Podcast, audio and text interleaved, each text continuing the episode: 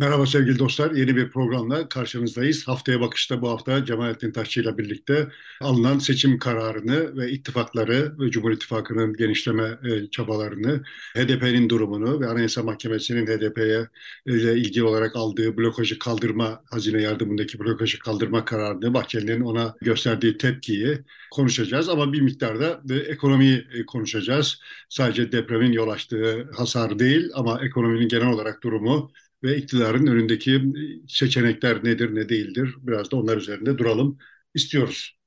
Evet seçim kararı alındı. Bu en önemli kavşak buydu. 14 Mayıs'ta yapılacak. Sen şimdi gene emin misin diye sormayasın bana. Önce bu mühim mevzulara geçmeden sloganımı bir atayım. Hükümet istifa. Akabinde de biraz izin verirsen birkaç dakika hakkında düşünmekten ve konuşmaktan sahiden hoşlandığım mevzulara bir temas edeyim. Şimdi bu deprem döneminde geçen programda işaret ettim. Yani deprem ilk başımıza geldiğinde yeni medyanın ne kadar yetersiz kaldığı konusunda bir şey yazmıştım. Sonra medyada çok hızlı bir reaksiyon gerçekleşti. Bundan söz ettim geçen programda. Ama mesela bu nasıl oldu? Yani işte Medyaskop'ta işte Medyaskop kendi muhabirlerini deprem bölgesine yolladı. Gazete Duvar kendi muhabirlerini deprem bölgesine yolladı. T24 kendi muhabirlerini deprem bölgesine yolladı. Oradan bize işte yorumlar, gözlemler, görüntüler aktardılar. Halbuki bu şöyle de yapılabilirdi. Yani Medyaskop veya Gazete Duvar veya T24 veya hepsi sonuçta deprem bölgesinde sahiden orada yaşayan birileri ile birilerini muhabir olarak tırnak içinde kullanabilirdi. Ve o muhabirlerin bize anlatacakları muhtemelen buradan gidip orada gözlem yapanların anlatacaklarından Doğru. hem muhteva olarak hem biçim olarak daha farklı olurdu. Benim açımdan daha tercihe şayan olurdu. Buradan gidilmesinin ve dışarıdan gözlenmesinin avantajları var mıdır? Vardır. Yani oradaki travmayı yaşamamış birisinin gözüyle bakıldığı zaman içeriden görünmeyecek bir şeyler görünebilir ama biz zaten onu bir biçimde kendimiz de görebiliyoruz. Şimdi orada Ama... şöyle bir tablo var. Orada yaşayan yerel muhabirler büyük oranda depremde zarar gördüler. E, kimileri hayatını kaybetti, kimilerinin yakınları hayatını kaybettiği için büyük bir yıkım yaşadılar. Dolayısıyla derlerin toparlanmaları kolay olmadı. E, hatta benim şöyle başımdan bir olay geçti. Hatay'da yaşayan, Ankara'da birlikte gazetecilik yaptığımız bir arkadaş oradaydı, görüştüm. Bizim programa çıkacak idi. Ama sonradan dedi ki çıkamıyorum. Şöyle şu, şu bir sürü dert saydı. Doğal haklıydı hepsinde de. Toparlayıp e, şey yapamadılar. Yani öyle bir zorluk da var idi bölgede yaşayanlar için. Şüphesiz. Ama yani ben burada bu zorluklardan, bu pratik zorluklardan kaynaklanan bir problemden daha yapısal bir problem olduğunu düşünüyorum. Burada bir zihniyet meselesi var. Yani biz bir merkeziz ve bizim tanıdığımız, bizim bildiğimiz insanlardan müteşekkiliz. Dolayısıyla şimdi bunları oraya yollayacağız. Bu çok geleneksel, klasik bir tavır. Şimdi bunu şununla bağlayacağım yani. Muharrem İnce bir takım sözler yazmış, bir şeyler yazmış ve gençlere çağrıda bulunmuş. Hani buna müzik yapın da ben de seçimde kullanayım diye. Ben bunu görür görmez yani olayın iki tane boyutu var. Birincisi yani bak Muharrem İnce'nin müzik yapacak kabiliyeti yok. Bir müzisyene para verecek parası da yok. Ee, yani işte kendi sine sempati duyan gençlerden destek isteyebiliyor. Bu çok alıştığımız bir şey değil öyle değil mi yani? Son derece demokratik bir şey. İyi de yani şimdi ikinci tarafına bakalım. Niye, niye sözü sen yazdın? Yani, sözü de gençlere bıraksaydın, sözü yazmayı da gençlere bıraksaydın. Şimdi orada işte o zihinsel kod devreye giriyor. Yani ortada bir takım dün var olmayan imkanlar var. Dün derken kastettiğim yani bundan beş yıl önce var olmayan bir takım imkanlar var. Bu imkanları, bu imkanlar vardılar, hep vardılar orada. Bu imkanları kullanmak aklımıza gelmiyor idi. Mecbur kalınca, zora düşünce şimdi bu imkanları kullan kullanmaya başladık. Nasıl oluyor da böyle küçük bütçeli internet gazeteleri bu cevvaliyeti gösterip bu işleri yapabiliyorlar? Çünkü ihtiyaçların fiyatları da düştü. Yani, yani bir cep telefonuyla kayıt yapıp yayın yapabilir duruma gelmek, işte bir takım link hatları kurma zorunluluğun ortadan kalkması, naklen yayın araçları vesaireleri falan ihtiyaçların ortadan kalkması. Yani evet şimdi bunlar hayatımızı şimdi bu programın kalanında konuşacağımız şeylerden daha çok değiştiriyor. Ortaya birçok imkan çıkıyor. Vardı bu imkanlar ve kullanılmıyordu. Başımız derde girince kullanıldı. Tamam. Şimdi buna üçüncü bir Buna bir şey daha hemen ekleyeyim. Aposto diye bir yayın var. Bu da internette yayın yapıyor. E, bir portal. Onlar şöyle bir yol izlediler. E, bölgedeki e, kadın girişimleri üzerinden, yerel kadın örgütleri üzerinden, onların oluşturduğu muhabirler üzerinden bir örgütlenmeyle haberleri oradan alarak verdiler. Onlar üzerinden, onları konuşturarak ya da onların konuştuğu kişilerin haberlerini ya da onların yaptığı haberleri vererek daha farklı bir yol izlediler. Anladığım kadarıyla Apostol'un Daktilo 1984 ile bir alakası var ya anladığım kadarıyla Daktilo 1984 diğer internet medyasından farklı olarak daha kapsamlı bir örgütlenme ama daha yerel bir örgütlenme. Yani daha demokratik, daha aşağıdan bir örgütlenme. Şimdi bu aşağıdan örgütlenmenin yani sözünü ettiğim medyada Muharrem İnce'nin tavrı da yukarıdan aşağıya her şeye rağmen yani yeni teknolojilerin, yeni imkanların ama yukarıdan aşağıya örgütlenmesi mantığıyla karşılaştığımız örnekler. Buna mukabil bu depremde biz son derece göz kamaştırıcı ve hiç yukarısı olmayan bir örgütlenmeye daha şahit olduk. O da işte bu deprem İO denen portal. Yani depremde neye ihtiyaç var, kimin neye ihtiyacı var, nerede enkaz altında insan var, kim kaybolmuş, kim nerede hangi çocuğa nasıl ulaşabilir vesaire türü sıradan aşağıdan bilgilerin birleştirildiği ve ihtiyaç sahipleriyle bağışların, yardımların vesaire bir araya getirilmesini sağlayan bir internet portalı anladığım kadarıyla. Şimdi bunu sıradan çocuklar eksiklerini başka yerlerden, başka insanlardan, hatta başka ülkelerdeki insanlardan tamamlayarak yaptılar. Bu nasıl Şimdi eskiden bu işleri biz yapamıyor idik, aklımıza gelmiyor idi bizim neslimizin. Çünkü zaten bilgisayar dediği sınırlı sayıdaydı. Bir bilgisayar sahibi olup o bilgisayarla bu tür örgütlenmeler kurmaya kalktığın zaman Hürriyet Gazetesi'nin ya da TRT'nin yatırımı kadar yatırıma ihtiyacın var. Şimdi tablo böyle değil. Burada bir potansiyel var ve bu potansiyel ihtiyaç ortaya çıktığında bu şekilde örgütlenebildi. Ve çok yani yukarıdan aşağıya AFAD gibi bir şeyler vasıtasıyla örgütlemeye kalktığında çok daha kısa süre içinde ve çok daha efektif bir şekilde örgütlenebildi. Şimdi benim de, derdim şu, benim ısrarlı biçimde derdim şu yani. Ben diyorum ki bu dünya bizim içinde yetiştiğimiz dünyadan farklı. Ruşen'in, senin, benim, işte Mehmet Yılmaz'ın vesaire falan, falan kavrayabileceğim bir dünya da değil. Ve bizim kodlarımız, la olaya müdahale edildiğinde biz hala böyle yukarıdan aşağıya bir şeyler düşünüyoruz. Bildiklerimizi mevcut teknolojiyle, bizim bildiğimizi mevcut teknolojiyle daha ekonomik, daha ucuz, daha az kaynakla yapmanın yolunu arıyoruz. Bu da mümkün, yapıyoruz. Ama bak gençler yaptığı zaman bu işi bizim kavramsal kısıtlarımıza sahip olmadıkları için ya bir dakika şimdi bir örgütlenmeci olması lazım ve işte bizi örgütlemesi lazım demiyorlar. Diyorum ki çok özetle bugün içinde yaşadığımız dünyadan çok daha iyi bir dünya, bugün içinde yaşadığımız Türkiye'den çok daha iyi bir Türkiye mümkün. Yol bizim yolumuz değil. Şimdi anladığım kadarıyla temelde anlaşamadığımız husus seninle değil yani. Dünyayla temelde anlaşamadığımız husus, husus bu. Ben herkes kadar istiyorum daha iyi bir dünyayı. Herkesten daha çok inanıyorum daha bir, iyi bir dünyanın bugünün imkanlarıyla mümkün olduğuna ve kendince söylediğim şey şu, bu yolla olmaz kardeşim. Tamam mı? Yani buradan yumuşak geçişle senin ve izleyicilerin konuşmamızı istediği konulara geçelim. AKP bize depremde, depremden önce vardı. Depremde bunu çok çıplak halde gösterdi ve olanca çirkinliğiyle göründü ki böyle yukarıdan aşağıya tasarlanmış ve sahibinin Erdoğan olduğu bir çözümler silsilesi sunmak istiyor. Bunu bu konuda çok kıskanç.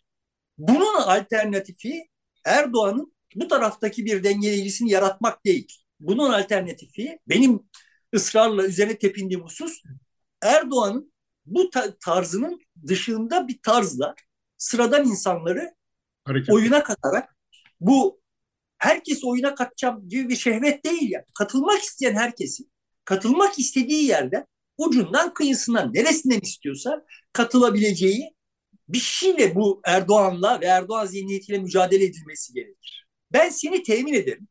Yani umarım olmaz. Kılıçdaroğlu yani umarım Kılıçdaroğlu kazanır. Umarım başarılı bir iktidar olur.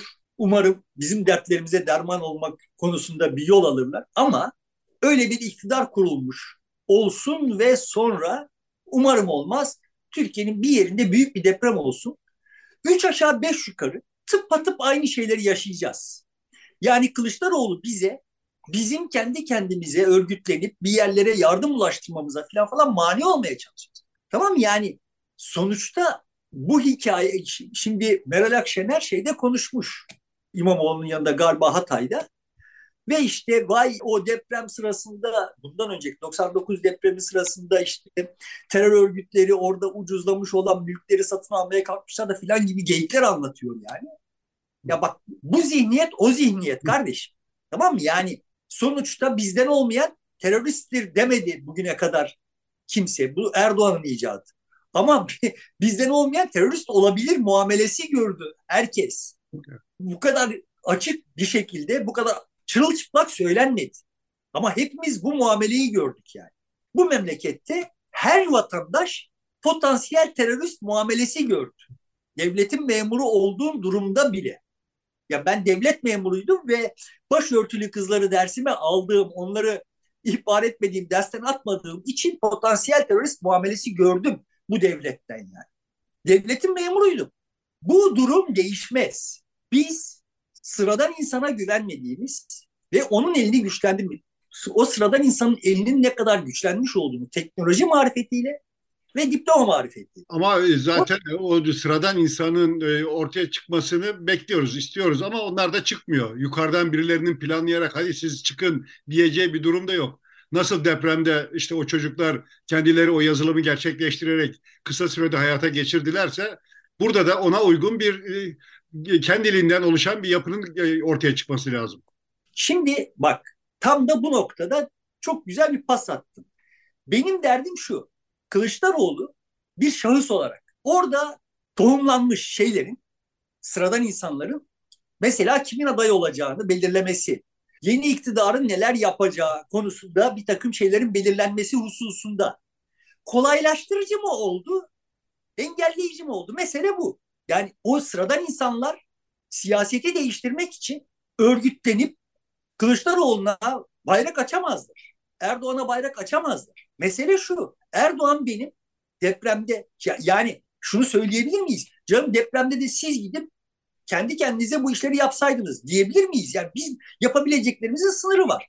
İktidar bunları kolaylaştırır veya zorlaştırır. Zorlaştırıcı bir tercih yaptı. Ben de diyorum ki Kılıçdaroğlu benim siyasete girişime, siyasete müdahale olma, müdahil olmama zorlaştırıcı bir şey yapıyor. Kolaylaştırıcı değil. Buna bir hevesi yok. Yani ben bu yüzden bu yüzden yargılıyorum. Yani benim derdim bundan ibaret.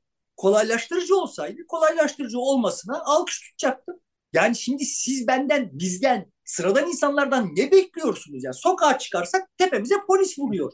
CHP'ye gidersek sen kenarda otur bak biz burada siyasi elitler olarak altı parti bir araya geldik. Masada şunları yapıyoruz diyor. Yani ne yapmamızı istiyorsunuz yani? E, belki işte bu iktidar değişikliği gerçekleşirse bir 6 ay, 1 yıl e, bir zaman kalacak. O sırada gençler daha rahat hareket edebilirler ve kendi aralarında inisiyatif geliştirebilirler. Yani biraz üzerlerindeki baskı azalmış olacak geçiş döneminden dolayı. Tamam niye buna razı gelelim? Yani Çok, şimdi Kılıçdaroğlu'nun yerinde... Bir, birileri varsa buyursun gelsin zaten bir itirazımız yok. O sese hemen destek veririz de yok öyle ortaya çıkıveren birileri de. Yahu neden yok? Adam CHP genel başkanlığını hile hurdayla elinde tutmuş. Altılı masayı ketenpereye getirmiş. Kendi adaylığında adaylığına bağlamış. Neden yok? Bundan yok yani şimdi benim kendi kendime böyle bir aday icat etme falan falan lüksüm yok. Ve ben konuşacağımız hususlar bunlar değil. Bak konuşacağımız hususlar şunlar. Sıradan vatandaşlar Fenerbahçe tribünlerinde, Beşiktaş tribünlerinde hükümet istifa diye bağırmışlar. Bir yerinde Kılıçdaroğlu'nun buna bu yani kendisinin menfaatine olan bu hadiseye bir destek verdiği bir omuz verdiğine dair bir işaret gördün mü? Yani vatandaş yapıyor yapacağını, yapabilecek olduğunu yapıyor. Ama vatandaş bir şey yaptığı zaman Kılıçdaroğlu bundan korkuyor. Bunu söylüyorum yani. Bundan korktuğunu ortaya koyan bir edası da sözü de yoktu e, bu istifa sözünden sonra. Belki hani arkasında bir siyaset olarak CHP varmış görüntüsü olmasın. Kendiliğinden olan bir hadise deyip bıraktı ya kenarda. Bunu, bunu beceremiyor ise arkasında CHP olduğu düşünülürse filan geyiklerine dalacak olursak Kılıçdaroğlu bu seçimi kaybeder. Çünkü seçimde bir konuda bu tür riskler ortaya çıkacak.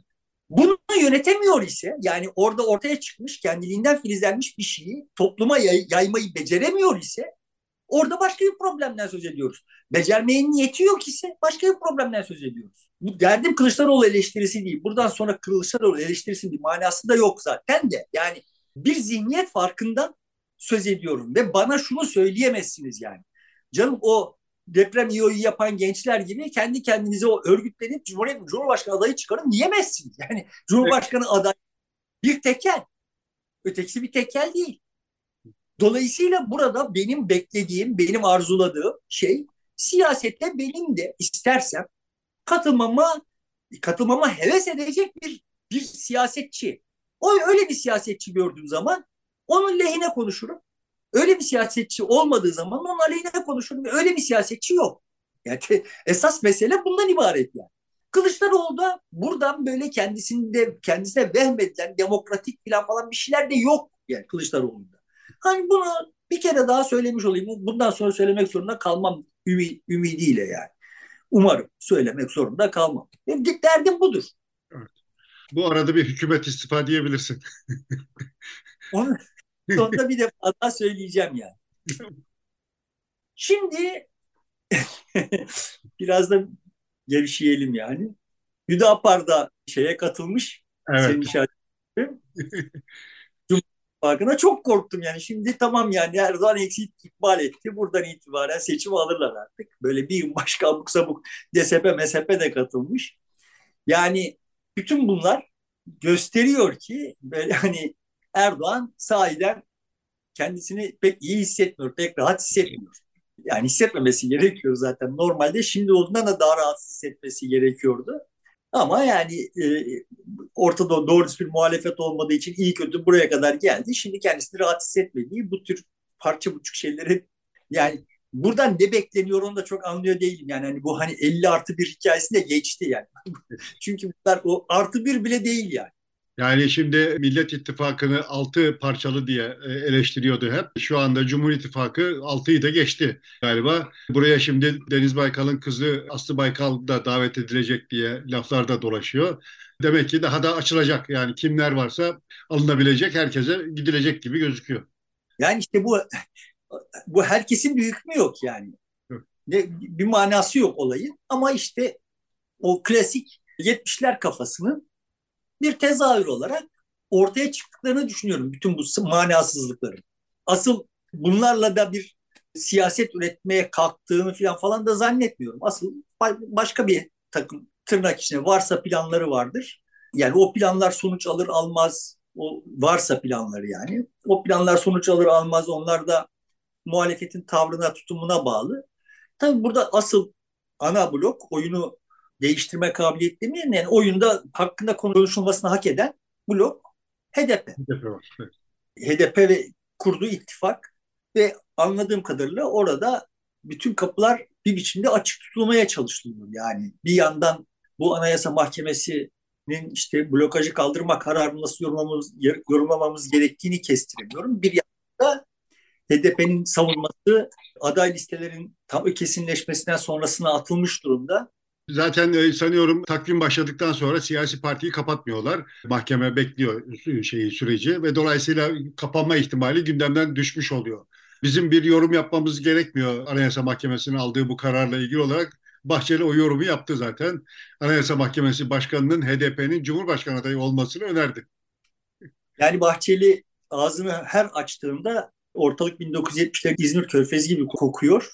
Yani sahiden çok tiksindirici bir tablo ortaya çıkmaya başladı. Hani zaten iki tane akla uygun lafı yoktu. Siz onlara bir, bir mana yakıştırıyordunuz. Şimdi bunlara nasıl manalar yakıştıracaksınız bilmiyorum. Çok yani hakikaten ağzını açtığı zaman çocukları uzaklaştırmak gerekecek kadar net bir biçimsizlik e, hasıl oluyor. Beni ilgilendiren bir adam değil yani. Beni ilgilendiren bir şey değil, değil daha doğrusu. Orası beni ilgilendirmiyor. Beni ilgilendiriyor olan tarafı şu. Senin sözünü ettiğin yani seçim sürecine girildikten sonra parti kapatılmaması bir kural mıdır, bir teamül müdür? Kural olsa, teamül olsa ne olur? Yani kurallara, teamüllere güvenebileceğimiz bir dönemde değiliz.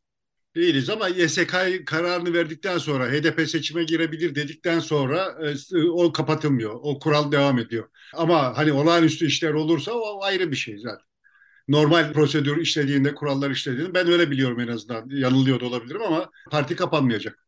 Ya adap bunu gerektirir zaten. Evet. Yani sen, senin öyle bilmem vesaire diye. Adap böyle gerektirir. Sen gir, seçmeye girebilir demişsin. Ondan sonra ama yani adap başka şeyleri de gerektiriyor ve onlar yapılmıyor. Dolayısıyla burada eğer seçim HDP üzerine yapılacak bir operasyonla döndürüle yani burada sadece anladığım kadarıyla mesele HDP meselesi olmaktan çıkıyor. Şimdi ittifak var.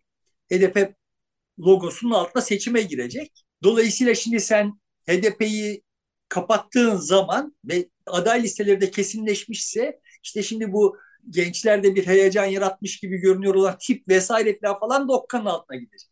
Onlar aday, aday olamaz hale gelecekler. Doğru anlıyor isem.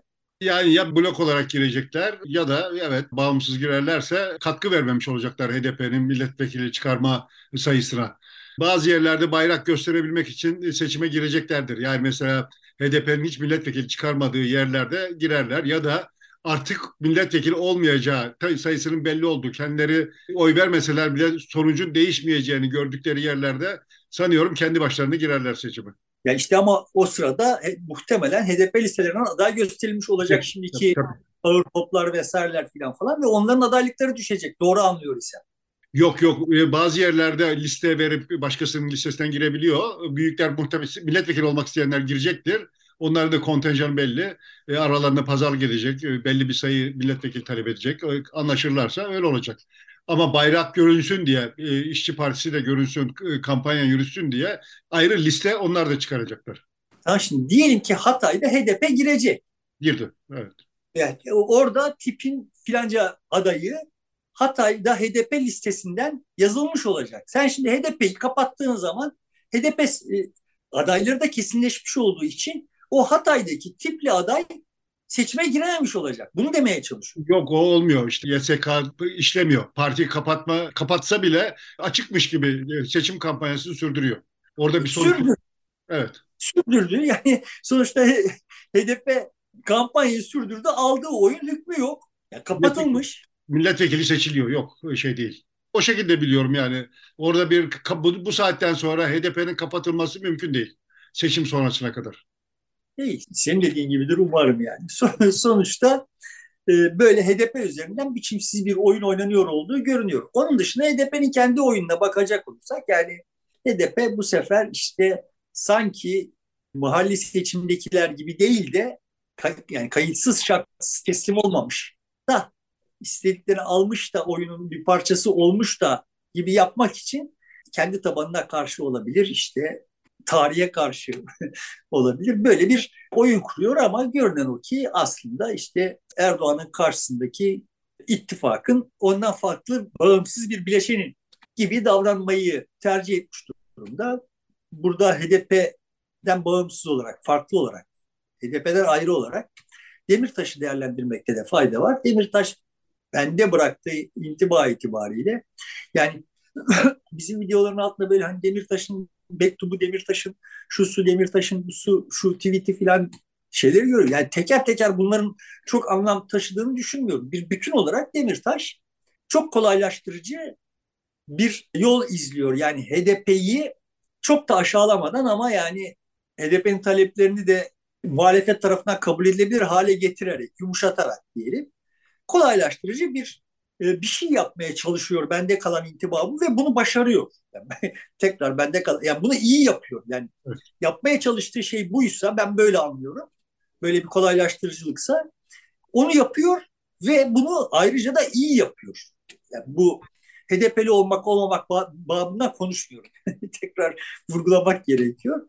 Seyreden bir seyirci olarak baktığım zaman yani benim takımımdan değilse bile evet yani o iyi çalım atıyor, iyi dripling yapıyor. Yani bunları iyi başarıyor gibi görüyorum. görüyorum. Ne kadar HDP için ne kadar önemli bir HDP'deki karar vericiler için ne kadar önemli bir oyuncudur onu bilmiyorum. Ama kendi kamuoyu için şık bir oyun oynuyor olduğunu düşünüyorum. Senin kanaatin nedir bilmiyorum. E, tabii seçmen üzerinde, e, HDP seçmeni ve genel olarak seçmen üzerinde etkisi yüksek. Onu kullanıyor. Ondan dolayı da kimse onun sözlerine açıktan muhalif olamıyor. Bir orta yol bulunuyor. Evet ben de HDP'nin altılı masayla birlikte hareket etmesi konusunda son derece kolaylaştırıcı bir rol üstlenmiş durumda Selahattin Demirtaş. Hatta HDP içerisindeki Kandil'in etkisini de azaltan bir tutum e, izliyor. Orayla da açıktan mücadele edebiliyor. Bu da bence son derece önemli. Buna karşılık hükümet başka şeyler düşünüyor ama e, sanıyorum ona karşı da bir hazırlıkları vardır. Yani tabii bir hazırlıkları vardır da sonuçta bu hazırlık ne kadar işe yarar. Böyle çok gaddar, çok e, vahşi bir yola girebileceğini biz mevcut iktidarın 7 Haziran 1 Kasım arasında gördük. Yani bu sefer de benzer bir şey yapacaklar manasında söylemiyorum. Ama yani ölçüsüz, kendilerini sınır, sınırlanmamış hissederek işler yapacak, yapabilecek olduklarını oradan biliyoruz yani. Dolayısıyla burada da şimdi ama şurada şu kural var, burada bu teamül var, burada da şöyle bir filan bir şey var. Ya, şöyle bir seçmen grubu var falan hani onların hakkı hukuku filan diyecek bir rakip yok yani karşıda. Dolayısıyla da yani, yani çok onu yapabileceğini zannetmiyorum. Yani o kadar bir şiddete bürünmüş bir seçim ortamı, atmosferi e, olacağını zannetmiyorum. Bu saatten sonra bir gerginlikler olur. Bir iki bazı şeyler olabilir ama evet, onlar sonucu etkileyecek ve tayin edici olma özelliğinden uzak durur diye tahmin ediyorum. E, Türkiye'nin kamuoyu ve devlet bürokrasisi buna izin vermeyecek gibi gözüküyor ben tekrarlayayım. Ben yani şunu bak o tarihlerde bunları yapmışlardı. Şimdi onu yapabilirler manasında söylüyorum. O tarihlerde bizi dövmüşlerdi. Evet. Şimdi küfredebilirler diyor. Yani hani bak bize küfretmezler demeyin yani. Bunlar eder küfür. bizi sıkıştığına bizi dövdüler bile yani. Dolayısıyla küfredebilirler, çelme takabilirler. Yani aklımıza gel ya bunlar da yapılmaz bu ortamda diyebileceğimiz bir şey yok. Bunu söylemeye çalışıyorum. Tamam. Yoksa yani evet yani 7 Haziran 1 Kasım arasında yine benzer bir terör ortamı yaratacaklar demiyorum ben. Ama onu yapmayı göze alabilenler aha burada şimdi ya bundan çok daha hafif olmak kaydıyla ama çok adama mugayir işler yapabilirler yani. Yani demeye çalıştığım bu hükümetin bu seçime giderken bizim şimdi konuşurken canım olur mu artık buradan sonra da şu olmaz ki falan falan diyebileceğimiz bir özne değil. Her şeyi yapabilirler. Bu her şeyin içinde. Umarım ben de işte böyle hani abuk sabuk kan dökmek işleri olmaz. Umarım olmaz. O ben de olmayacakmış. Varsayımıyla yürüyorum. Ama bu şu demek değil yani işte parti kapatmaktan bilmem nereye kadar abuk sabuk işleri yapmayacakları manasına gelmiyor. Şimdi şöyle bir e, tablo var. Bölge nüfusuna baktığımızda e, Güneydoğu ve Doğu Anadolu'da, esas itibariyle de Güneydoğu Anadolu'da yani HDP'nin çok oy aldığı bölgelerde, seçim çevrelerinde ilk defa oy kullanacak gençlerin oranı yüzde 15'ler seviyesinde. E, bu Türkiye'nin başka yerlerinde yok. Başka yerlerde 8, 9, en kabadayı 11 civarında. Bu bölgeye yakın bir iki yerde 14 falan da var. Bu bence HDP açısından önemli bir avantaj. Yani yeni genç ilk defa oy kullanacaklar. HDP için oy kullanmaya daha yatkın gibi duruyor. Kaldı ki bir de bölgedeki nüfusun ortalamasına baktığımızda genç nüfus daha çok o bölgede yaşıyor. E, bu da önemli bir şey. Yenilenmiş yani nüfus. Eskiler büyük oranda ayrılmışlar ya da başka yerlere gitmişler. Oradaki yeni gel, gelen nüfus da gençleşmiş. Bu da şeyin e, HDP'nin avantajına. Bu arada yüzde 20 Z kuşağı var deniyor. Toplam oy verilen. Onların da yarısı galiba ilk defa oy kullanacak olanlar. Yani toplamda yüzde onluk galiba bir yeni seçmen var. İlk defa oy kullanacak seçmen kitlesi. Bunun içerisinde de HDP seçmen sayısı yüksektir gibi duruyor. Yani evet HDP'nin o, o kesimdeki ağırlığı daha fazla ama bu HDP açısından çok aritmetik bir avantaj sağlamaz. Yani sonuçta HDP diyelim ki işte bölgede zaten Diyarbakır'da silip süpürüyordu. Şimdi biraz daha silip süpürecek. Evet. Bir tane daha bir fazla çıkaracak. Yani sonuçta olan o olacak. Ama yani çok hakimdi zaten oy evet. oranı olarak. Burada işte yeni gençler geldi. Oy oranı, HDP'nin oy oranı bölgede işte yüzde beş daha yükseldi. Yani üç milletvekili daha fark eder. Evet, Asıl evet. Onu yapar. Hı? Evet o üç, üç milletvekili, dört milletvekili fazla çıkarmasına yol açar. Aynı şekilde ama İstanbul, İzmir gibi batı illerinde de Mersin gibi yerlerde de belki batıda yeni iller de ilave edilebilir. Sınırda kaldığı iller vardı Manisa gibi, Aydın gibi. Ee, bir ihtimal oralardan da milletvekili çıkarabilir. Çıkarabilir. Yani İstanbul, Ankara, İzmir'den de özellikle İstanbul, İzmir'den de şimdiye kadar çıkarından daha çok çıkarır diye tahmin ediyorum. Burada esas mesele hani senin işaret ettiğin husustan gidecek olursak. Şimdi o seçmen milletvekili seçiminde çok anlam taşımıyor. Ama Cumhurbaşkanlığı seçiminde sandığa giderse ve Erdoğan'ın karşısındakini tercih ederse yani HDP'li olarak o zaman Erdoğan'ın işini zorlaştıracak bir faktör o. Fakat ben yani şimdi hani bu e, iktidar her şeyi yapabilir falan derken işaret etmeye çalıştığım şeylerden bir tanesi o yani. 1 Kasım seçimde 7 Haziran'la 1 Kasım arasındaki farkın asıl bölgedeki fark, Türkiye genelini kastetmiyorum, bölgedeki farkın asıl yaratıcısı e, devletin sandıklara biçimsiz müdahalesiydi. Şimdi orada bütün belediyeler kayyumların elinde, HDP'nin kolu kanadı kırılmış. Yani şimdi genç seçmeni var ama genç kadroları yok.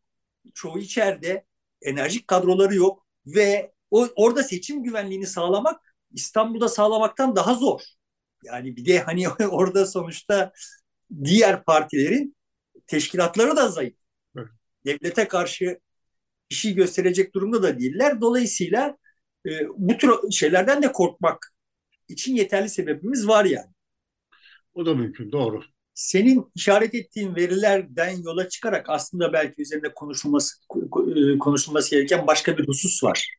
Yani sonuçta bölge dışında da işte bu yeni seçmen yani ilk defa kullanacak seçmen sayısı ve işte ilk defa kullanmayacaksa da işte Z kuşağı dediğimiz grup burada şimdi görünüyor ki işte seçim sonucunu değiştirebilecek kadar yani, mesela HDP görünen o ki parlamento yani seçime girebilir ise işte üçüncü büyük parti olacak.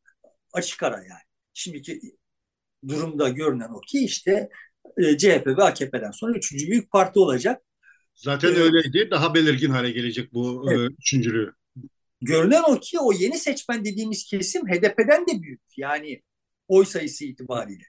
Yani dolayısıyla şimdi HDP'nin seçim sonucunu etkileyebileceği, belirleyebileceği şeyleri konuşuyor olduğumuz durumda burada HDP'den daha büyük bir homojen olmayan bir kitle var. Ama yani bu bu kitlenin bu e, blokun diyelim nasıl davranacağı konusunda e, benim şahsi tereddütlerim var. Yani normal eğilim şudur ki bütün dünyada olduğu gibi Türkiye'de de normal eğilim şudur ki o yaş grubunun sandığa gitme oranı sonrakilere kıyasla daha düşüktür. Dolayısıyla bunları ekstra motive edecek bir şeyler lazım. Bu motivasyonu Erdoğan sağ olsun kendi başına yapıyor. Yani onlara hakaret ederek, söverek, müzik dinlemelerine mani olarak internetlerini sağlamayarak vesaire falan e, Erdoğan zaten onları teşvik ediyor.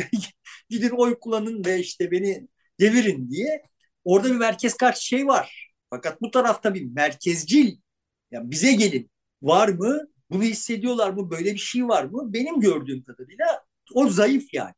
Evet. Benim Kılıçdaroğlu'nu eleştirirken işte bu programın başında da eleştirirken falan falan eleştirdiğim şeylerin zuhur ettiği nokta işte buralar. Yani sen, ben alışığız, biliyoruz. Birisine oy vereceğiz, sonra teslim olacağız. O bizi tepe tepe 4 yıl, 5 yıl kullanacak. Buna, bu, zaten böyle büyüdü. Yani bunun bir de ya bir, bir dakika ben bu oyuna müdahale olabilirim. Ya biz işte deprem olduğu zaman biz birisine bakıp kime yardım edeceğiz? Kime yani kendi yardımımızı kimin üzerinden bölgeye aktaracağız diye bakmaya alışkınız. Ama şimdi bu kuşak öyle değil. Yani işte bu Hatay'daki İmamoğlu ve Akşener'in ziyareti sırasında e, Hatay Belediye Başkanı bilhassa gençlere e, teşekkür etme ihtiyacı hissetti. Çünkü evet onlar ben şimdi yardımımı kimin üzerinden buraya aktarırım falan diye düşünmediler. Aldılar gittiler yani. Başka bir dünyaları var. Ve bu başka dünya birilerini korkutuyor yani. Biz akranları korkutuyor yani. Ya bir dakika kardeşim böyle olur mu yani? Bir ör, biz, biz örgütlülük öyle işte hiyerarşik bir şey olacak. Orada kendi yerimizi belirleyeceğiz falan yani. Böyle olmadı mı kaos yani. olmaz ki yani. Bizim kodlarımız bunlar ama bunların kodları öyle değil ya Gezi'de gördük. Nesil Gezi'ye gittiği zaman işte ben hep anlatmayı seviyorum. Oraya çadırlar kurdu ve işte kendi derneklerin isimlerini yazdı. Yani ve baktılar ki yani ulan yani Ay'a düşmüşler gibi, Mars'a düşmüşler gibi yabancılar yani. Evet.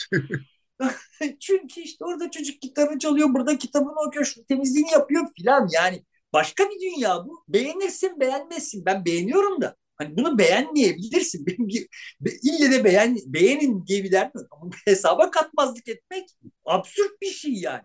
Bu başka bir dünya, başka insanlar bunlar. E böyle olması gerekiyor zaten bence de. Ama bu çocuklar için sahiden Erdoğan'mış, Kılıçdaroğlu'muş bir mana taşıyor mu? Kendileri eğer mitinge bir sandalye taşımıyor iseler, şunun veya bunun mitingi olması bunlar için bir mana taşıyor mu? Peki yani tamam benim varsayımlarım doğru diyelim.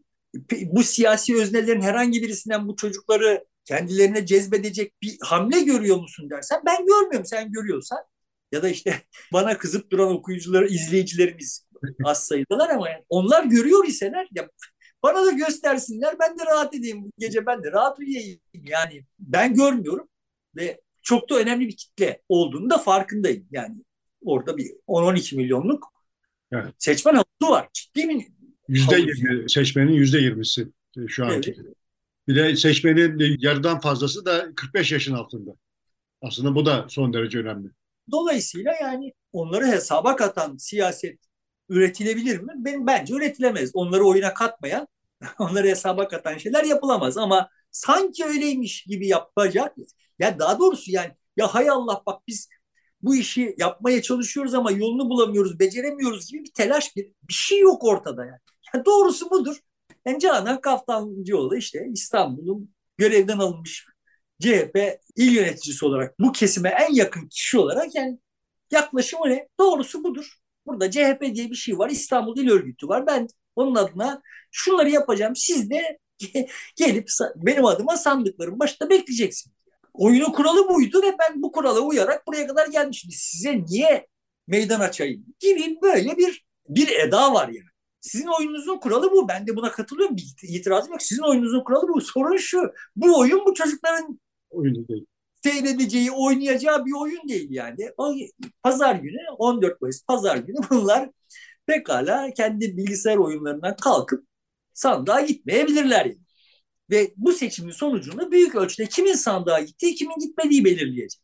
AKP'ye oy vermiş olanların önemli bir bölümü, çok büyük bir bölümü için burada gidip Kemal Kılıçdaroğlu'na oy vermek beklenemez bir şey. Yapacakları şey oy vermemek olacak. Yani evet. bu Erdoğan'a bir daha oy vermemek olacak yapacakları şey. Dolayısıyla şimdi onların sandığa gitmemesini, bunların sandığa gitmesini sağlayabiliyorsan seçim 65-35 70-30 biter. Ama yani eğer ötekisi bu gençlerin sandığa gitmesine mani olup kendisine daha önce oy vermiş olanları sandığa götürebilirse 52-48 kazanır. Yani şimdiki tablo itibariyle böyle rakamlarla konuşulacak zaman değil de. Evet. Ama yani bu seçim büyük ölçüde öyle bu olabilirdi. Teknik olarak benim iddiam buydu. Üzerine tezlerimi inşa ettiğim şey bu. Yani bir heyelan başlayabilir ve Erdoğan'a oy vermiş olanlar bilhassa en önde onlar. Erdoğan'ın karşısında kim varsa ona oy vereceğim diye koşuşturabilirlerdi. Eğer muhalefet bak kardeşim bu adam size verdiği sözler sizde bıraktı. Size verdiği sözler derken hani böyle teker teker sözlerden söz etmiyor. Sizde bıraktığı intiba sizi adama saymak. Sizi bu toplumsal hiyerarşide, bu toplumsal merdivende bir basamak yukarı çıkartmaktı. Onu yapmadığı sadece bizi aşağı indirdi. Şimdi hep birlikte artık bu merdiveni ortadan kaldıracağız. Duygusunu uyandıracak. Bir şey yapılsaydı bu vatan Erdoğan'a oy vermiş olanlar parmak sallananların kendileri olduğunu farkındalar. Bu yapılmadı. Buna dair en ufak bir yani hep böyle canım bak siz muhafazakarsınız ama biz de sizin başınızı açmayacağız. Bak ama filan falan gibi böyle yani başka bir hikaye anlatılmadı. Yani mevcut hikaye kabul edildi. Dolayısıyla o fırsat kaçtı. Öyle bir heyelan beklentisi için çok geç bana kalırsa. Dolayısıyla seçim sonucunu belirleyecek olan şey ve kuvvetle muhtemeldir ki AKP'ye oy vermiş olanların çok büyük bir bölümünün sandığa gitmesi o bölümde sandığa gitmeme motivasyonu yaratılabilir. Ancak o yapılabilir yani. Öyle yani, bir endişe var, öyle bir mesafe var seçmeniyle AK Parti arasında. Yani şimdi onları her şartta, her koşulda e, Erdoğan'ı tekrar korumak motivasyonuna sokmadan bir şey yapılabilir. Oraya doğru gitmeye çalışıyor anladığım kadarıyla Kılıçdaroğlu. Ama onları yani Erdoğan'a oy vermiş olanları Kılıçdaroğlu'na oy vermeye yönlendiremezsin. Yani bu fırsat kaçtı. Kılıçdaroğlu yerine başka birileri olsaydı, bu birileri İmamoğlu'na şundan bundan söz etmiyor. Yani fiktif bir özneden söz ediyor. Başka birileri olsaydı belki hala yani öyle bir heyelan olmasa bile tamam Erdoğan değilse şu Abdullah Gül veya Ali Obacan filandan da söz etmiyorum yani. Ama yani daha böyle aa neden olmasın denebilecek türden bir şey de bu iş yapılabilirdi. O da o imkanı da kaçırdık elimizden. Ama yani Kılıçdaroğlu değil de Muharrem İnce'ye oy vermez yani AKP seçmeni. Erdoğan'a oy vermiş seçmen. AKP seçmeni lafını da sevmiyorum. Düzeltmiş olayım yani. Erdoğan'a oy vermiş olan seçmen şimdi şu konjonktürde tamam kardeşim ben Erdoğan'dan vazgeçtim. Kılıçdaroğlu'na veya İnce'ye oy vereceğim noktasına gelmez. Getirilmesi için bir şey yapılmadı zaten. Ama ne olabilir? Dediğim gibi hani sandığa gitmez. Sen de bu tarafta kendi Erdoğan'dan bezmiş olanları sandığa götürecek kadar heyecan yaratırsın ve çok ciddi bir farklı seçimi alırsın. Mevcut sosyoloji itibariyle konuştuğumuzda ama yani aktörlerin oyun kabiliyetlerini bunun dışında bırakarak konuştuğumuzda yok orada ne ne haltlar yiyecekler hangisi ne halt yiyecek onları da bilmiyoruz yani. Tam burada aslında gençleri doğrudan hepimizi ilgilendiriyor ama gençleri daha çok ilgilendiren ekonomik durum var. Gençlerin neredeyse tamamı bir gelecek hayali içerisinde değiller. E, işte e, para kazanarak ev sahibi, araba sahibi olmak gibi hayalleri yok. Bizim gençliğimizde hep böyle hayaller vardı her birimizde ama bu gençlerde hiç yok. E, dolayısıyla şartlar gençlerin harekete geçmesi için uygun. AK Parti'ye baktığımızda, Erdoğan'a baktığımızda ekonomik olarak da çok fazla bir şey yapamıyor ve zor durumda.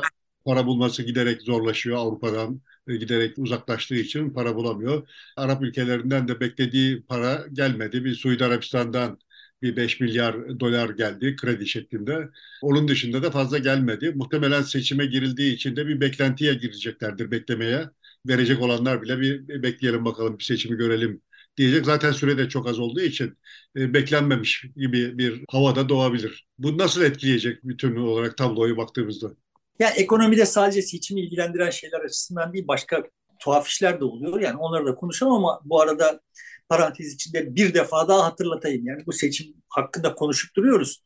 Daha Putin'in ne yapacağını, ne, nelere kadir olduğunu ve ne yapacağını bilmiyoruz. Yani bu çok bariz bir biçimde görünüyor ki Putin Erdoğan'ın bir daha seçilmesi için eline ne imkan varsa bunları kullanacak. Bunun arkasında yani tekrar aynı noktaya noktalara dönüp dönüp geliyoruz. Şimdi bu senin benim 40 kişinin belki işte 3 yıldır konuştuğu bir mevzu yani. Ama biz hala mesela mu muhalif kesimin Avrupa'yla, Rusya'yla, Arap ülkeleriyle, işte Amerika'yla, Çin'le nasıl iş tutacağını bilmiyoruz. Yani niyetinin ne olduğunu bilmiyoruz. Hikayesinin ne olduğunu bilmiyoruz yani.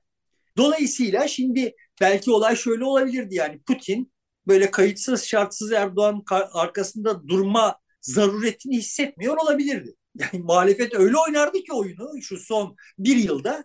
Ya Putin e tamam canım ne yapalım Erdoğan giderse de gider filan noktasına yani tabii ki Erdoğan kalsın ben ben onunla güzel güzel soyuyorum Türkiye'yi ama ha, giderse de çok da dert değil noktasına gelinebilirdi yani. Bu ne Amerika'da var ne Avrupa'da var. Herkes için şimdi en tercihe şayan aktör hala Erdoğan. Yani ben Avrupa liderlerinin yerine olsam Erdoğan kazansın isterim. Yani çünkü işte veririm 3 milyar 5 milyar bu göçmen meselesi falan başıma dert olmaz.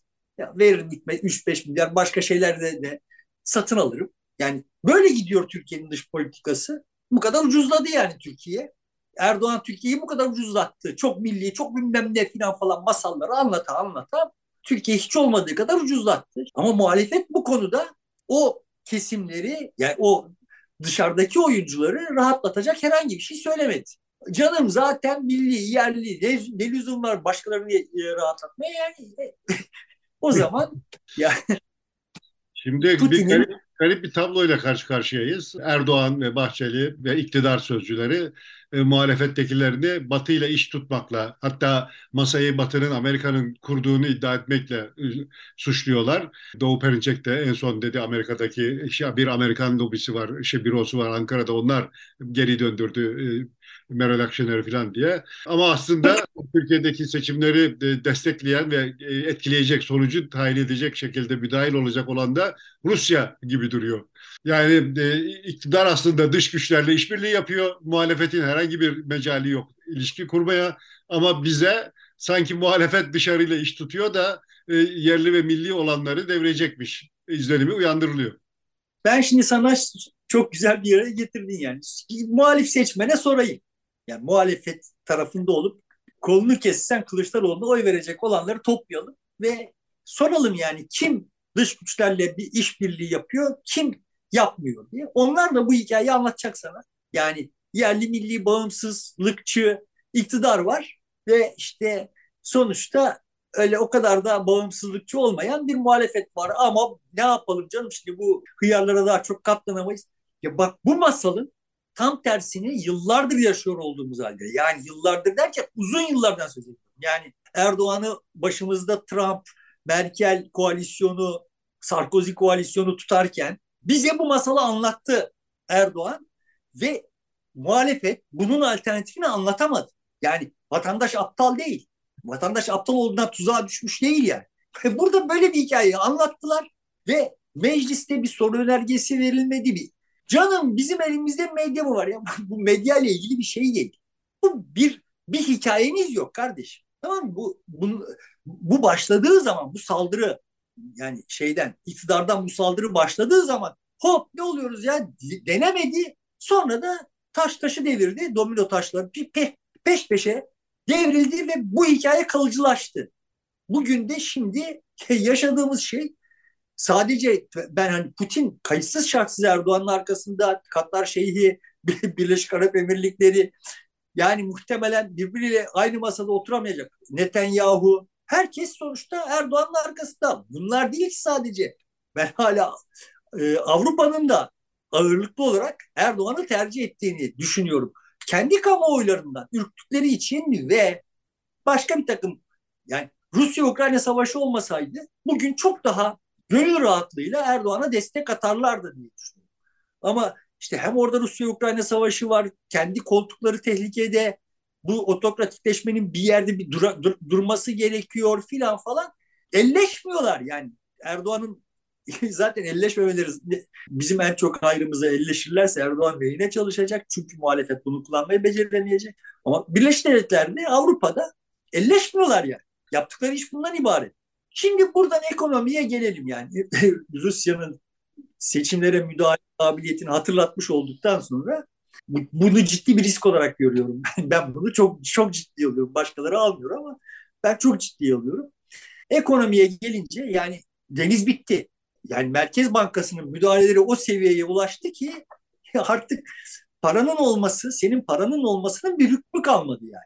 Senin paranın, sen senin paranın geçici bir yani Merkez Bankası'nın lütfettiği sürece Türkiye Cumhuriyeti'nin lütfettiği sürece sahibiymiş gibi yapmak gibi bir durumdasın.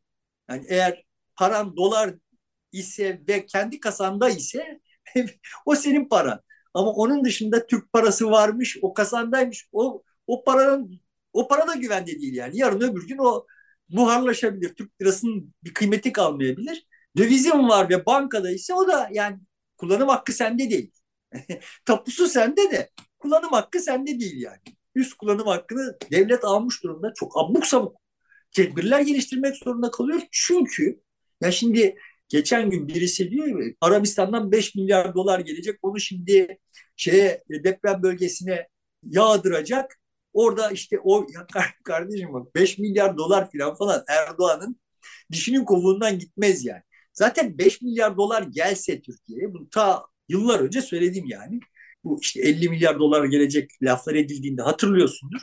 Bu 50 milyar dolar gelirse sisteme 50 milyar dolar girmeyecek ki. Herkes bir ucuna tık tıklayacak. Onların önemli bir bölümü zaten yurt dışı bankalara gidecek.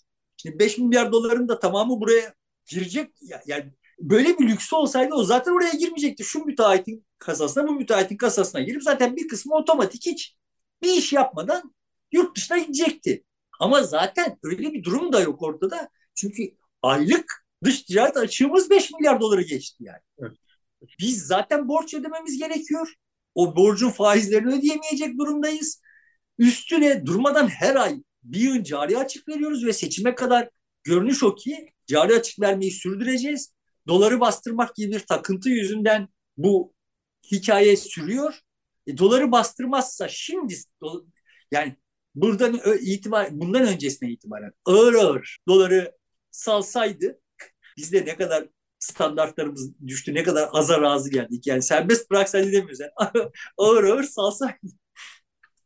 Dolar şimdi 21-22 lira olsaydı ama bu böyle hani yumuşak bir şekilde olsaydı belki hani bir şeyleri bir şey, bu kadar cari açık vermeyerek vesaire falan bir şeyleri yönetebilirdi ve insanlar bu kadar dolar peşine koşmayabilirlerdi filan. Şimdiki tablo doları biraz oynatırsa seçime kadar onun sonuçları toparlayamayacak. Önümüzdeki iki ayda yani dolar şimdi diyelim ki küt diye zıplasa 19,5 lira olsa 19,75 olsa onun sonuçları seçime kadar toparlayamayacak. Dolayısıyla doları orada tutmak zorunda. Doları orada tutmasının maliyeti olarak ortaya çıkan şeyleri yönetebilecek bir ka- e, kabiliyeti yok, kaynağı yok. Ya öyle 5 milyarla falan olacak iş değil. 20 milyar dolar girse şu anda bir günde Türkiye'nin kasaları kasasına o o bile bir yere girmemiş olacak yani. Çukur olmamış olacak. Böyle deprem bölgesine şunları akıtacak da falan falan gibi bir hikaye yok. Ben deprem bölgesinde çok zor durumda olmayabileceğini de düşünüyorum Erdoğan'ın. Yani deprem sonrası, travma sonrası davranışın nasıl seyredeceğini kestiremiyorum. Ayrıca da şu görünüyor yani işte bu bu hafta ortaya çıkan skandallardan bir tanesi. Yani her gün 40 tane skandal çıkıyor. Yani o skandallardan bir tanesi yani Antep'te ki e, Antep'te üretilmiş olan çadırları Bursa'ya götürüp orada reklam çekip tekrar deprem bölgesine taşımışlar falan filan.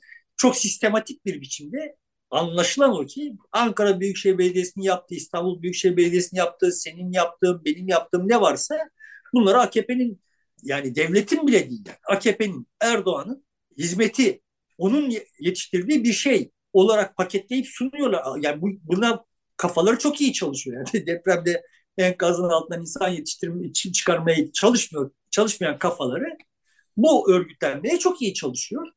Dolayısıyla orada kamuoyunda ya hakikaten ne yaptıysa yine devlet yaptı, ne yaptıysa yine Erdoğan yaptı kanaati yayılmış da olabilir. Onu bilmiyoruz yani. Senin benim ulaşabildiğim internet kaynaklarına orada hem internet teknik altyapı aksadığı için hem de buna vakitleri yok. Yani sen ben bir izliyoruz da buna vakitleri yok orada insanların. Su bulacak, işte çadırını sel bastığı zaman suyu boşaltacak.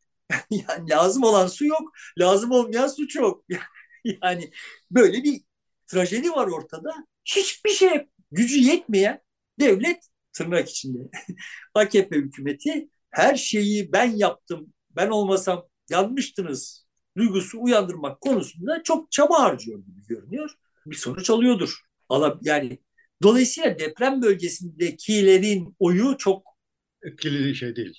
Belli de, değil, değişmeyebilir. Değil, olabilir yani. Ama benim kanaatim her geçen gün deprem bölgesinin dışında kalanlarda o da Erdoğan'ın tavrı yüzünden. Yani normalde Erdoğan böyle yapmasa o kadar ciddi değişim olmazdı ama şimdi böyle yapıyor olduğu için yani durmadan bize parmak salladığı için Erdoğan'dan kaçma motivasyonunu yükseltiyor diye düşünüyorum. Herkes de bir biçimde böyle düşeyim halinde ulan yarın biz enkaz altına kalırsak herif yine bize parmak sallayacak yani, ve kalabiliriz de yani. Kaldığımızda da bu adam bize bizi kurtarmayacak, bize parmak sallayacak.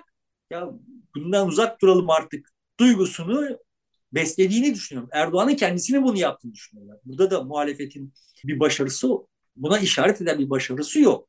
Yani bunu buna işaret eder derken böyle bunu öyle işaret edersin ki çiğ olur. Olumsuz sonuç verir ama bunu öyle paketlersin ki vatandaş da ya bir dakika hakikaten ne oluyoruz ne azar ettin kardeşim bizi duygusunu uyandırabilirsin.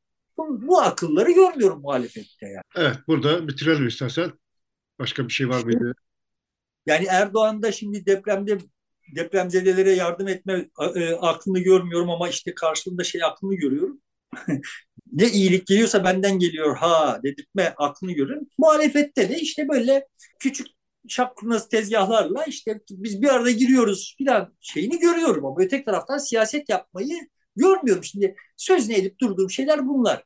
Kapatıyorsun madem kapatmadan belirteyim yani hükümet istifa. Peki sevgili dostlar burada bitiriyoruz. Yeniden görüşmek üzere. Çarşamba seçim 2023'e doğru programda buluşmak üzere. Hoşçakalın.